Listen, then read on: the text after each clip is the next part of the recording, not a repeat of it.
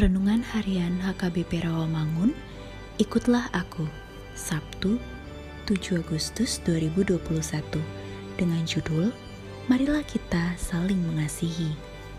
Bacaan kita pada pagi hari ini tertulis dalam 1 Raja-Raja 2 ayat 1 sampai 9 dan bacaan kita pada malam hari ini tertulis dalam Matius 7 ayat 7 sampai 11. Dan kebenaran firman yang menjadi ayat renungan kita pada hari ini ialah 1 Yohanes 4 ayat 9 yang berbunyi, Dalam hal inilah kasih Allah dinyatakan di tengah-tengah kita, yaitu bahwa Allah telah mengutus anaknya yang tunggal ke dalam dunia supaya kita hidup olehnya. Demikian firman Tuhan. Allah menunjukkan kasihnya kepada manusia dalam banyak cara, tetapi mengaruniakan putranya yang terkasih, Tuhan Yesus Kristus adalah tanda kasih Allah yang paling terang dan terbaik bagi umat manusia.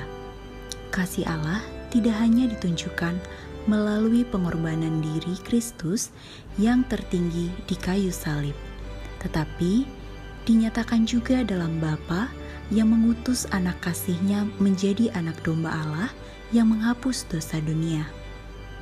Oleh sebab Allah mengasihi kita, maka kita yang sudah menerima kasih, pengampunan, dan pertolongannya wajib saling mengasihi, memperhatikan, dan menolong orang lain. Meskipun untuk itu kita harus berkorban secara pribadi.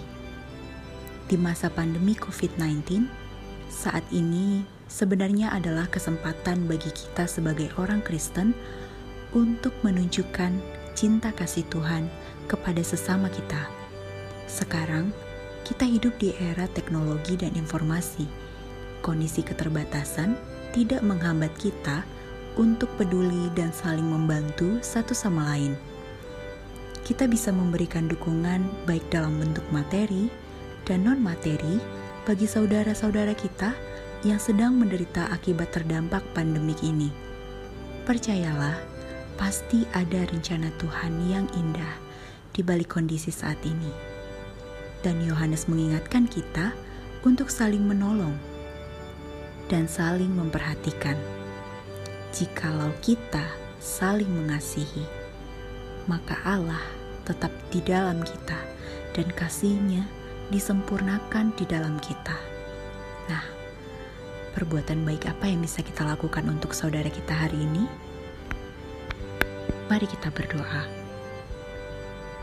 Terima kasih Tuhan Yesus atas kasih-Mu yang sempurna dalam hidup kami.